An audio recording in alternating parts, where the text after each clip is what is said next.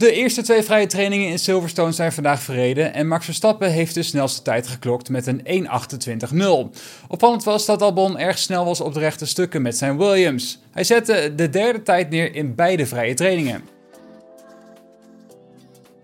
Max Verstappen reed de snelste rondetijd in de eerste vrije training voor de Grand Prix van Groot-Brittannië. Hij was op het circuit van Silverstone 14e sneller dan teamgenoot Sergio Perez, die tweede werd. De grote verrassing van de sessie was Alex Albon. Hij zette namelijk de derde tijd neer en lijkt erg snel te zijn op de rechte stukken. Verder klokte niet de Vries de elfde tijd, terwijl Mercedes de kaarten nog even tegen de borst hield, door als enige geen run te doen op de zachte band. De tweede vrije training werd om 5 over 5 afgetrapt na een kleine vertraging vanwege een incidentrijke kwalificatie in de Formule 2. Ook in deze sessie wist Verstappen de snelste tijd neer te zetten en Sainz werd met slechts 200ste van een seconde tweede. Zijn teamgenoot Charles Leclerc had minder geluk. Hij kwam niet in actie tijdens deze sessie door elektronische problemen. Ook de Vries had geen geluk. Hij had aan het einde van de sessie namelijk een lekke band. Red Bull Racing heeft de motoren van Max Verstappen en Sergio Perez vervangen.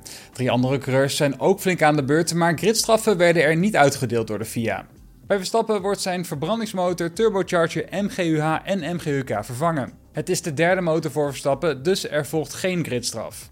Ook de exhaust system van de Nederlander is vervangen, maar aangezien dit zijn vierde is, zal er ook daar geen gridstraf volgen. Al deze onderdelen zijn ook bij Perez vervangen. Voor de Mexicaan is het ook de derde motor en zijn vierde exhaust system, waardoor er geen gridstraf zal worden uitgedeeld. Het lijkt hier overigens niet om een probleem te gaan, maar om een geplande wissel van de onderdelen. Nog drie andere coureurs waren aan de beurt in Silverstone. George Russell, Nick de Vries en Nico Hulkenberg zien een verbrandingsmotor, turbocharger, MGUH en exhaust system vervangen worden.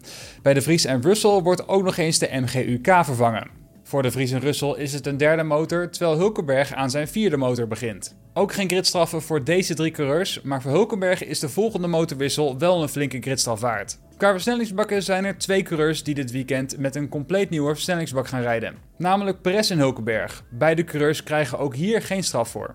Brad Pitt en zijn Formule 1-team Apex GP zullen aankomende zondag ook op de grid staan voor aanvang van de Grand Prix van Groot-Brittannië. Het fictieve team dat in Silverstone aanwezig is voor filmopnames zal zelfs meerijden met de installatieronde. Althans, dat is wat Lando Norris vernomen heeft.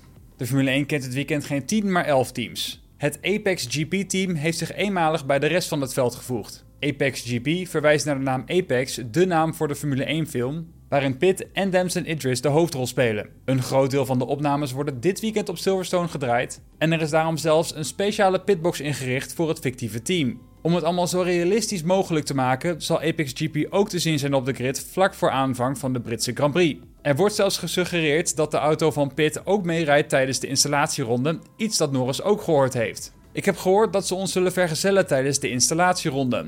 Ik hoop alleen dat ze dat niet verpesten. Aldus Lando Norris geciteerd door Autosport.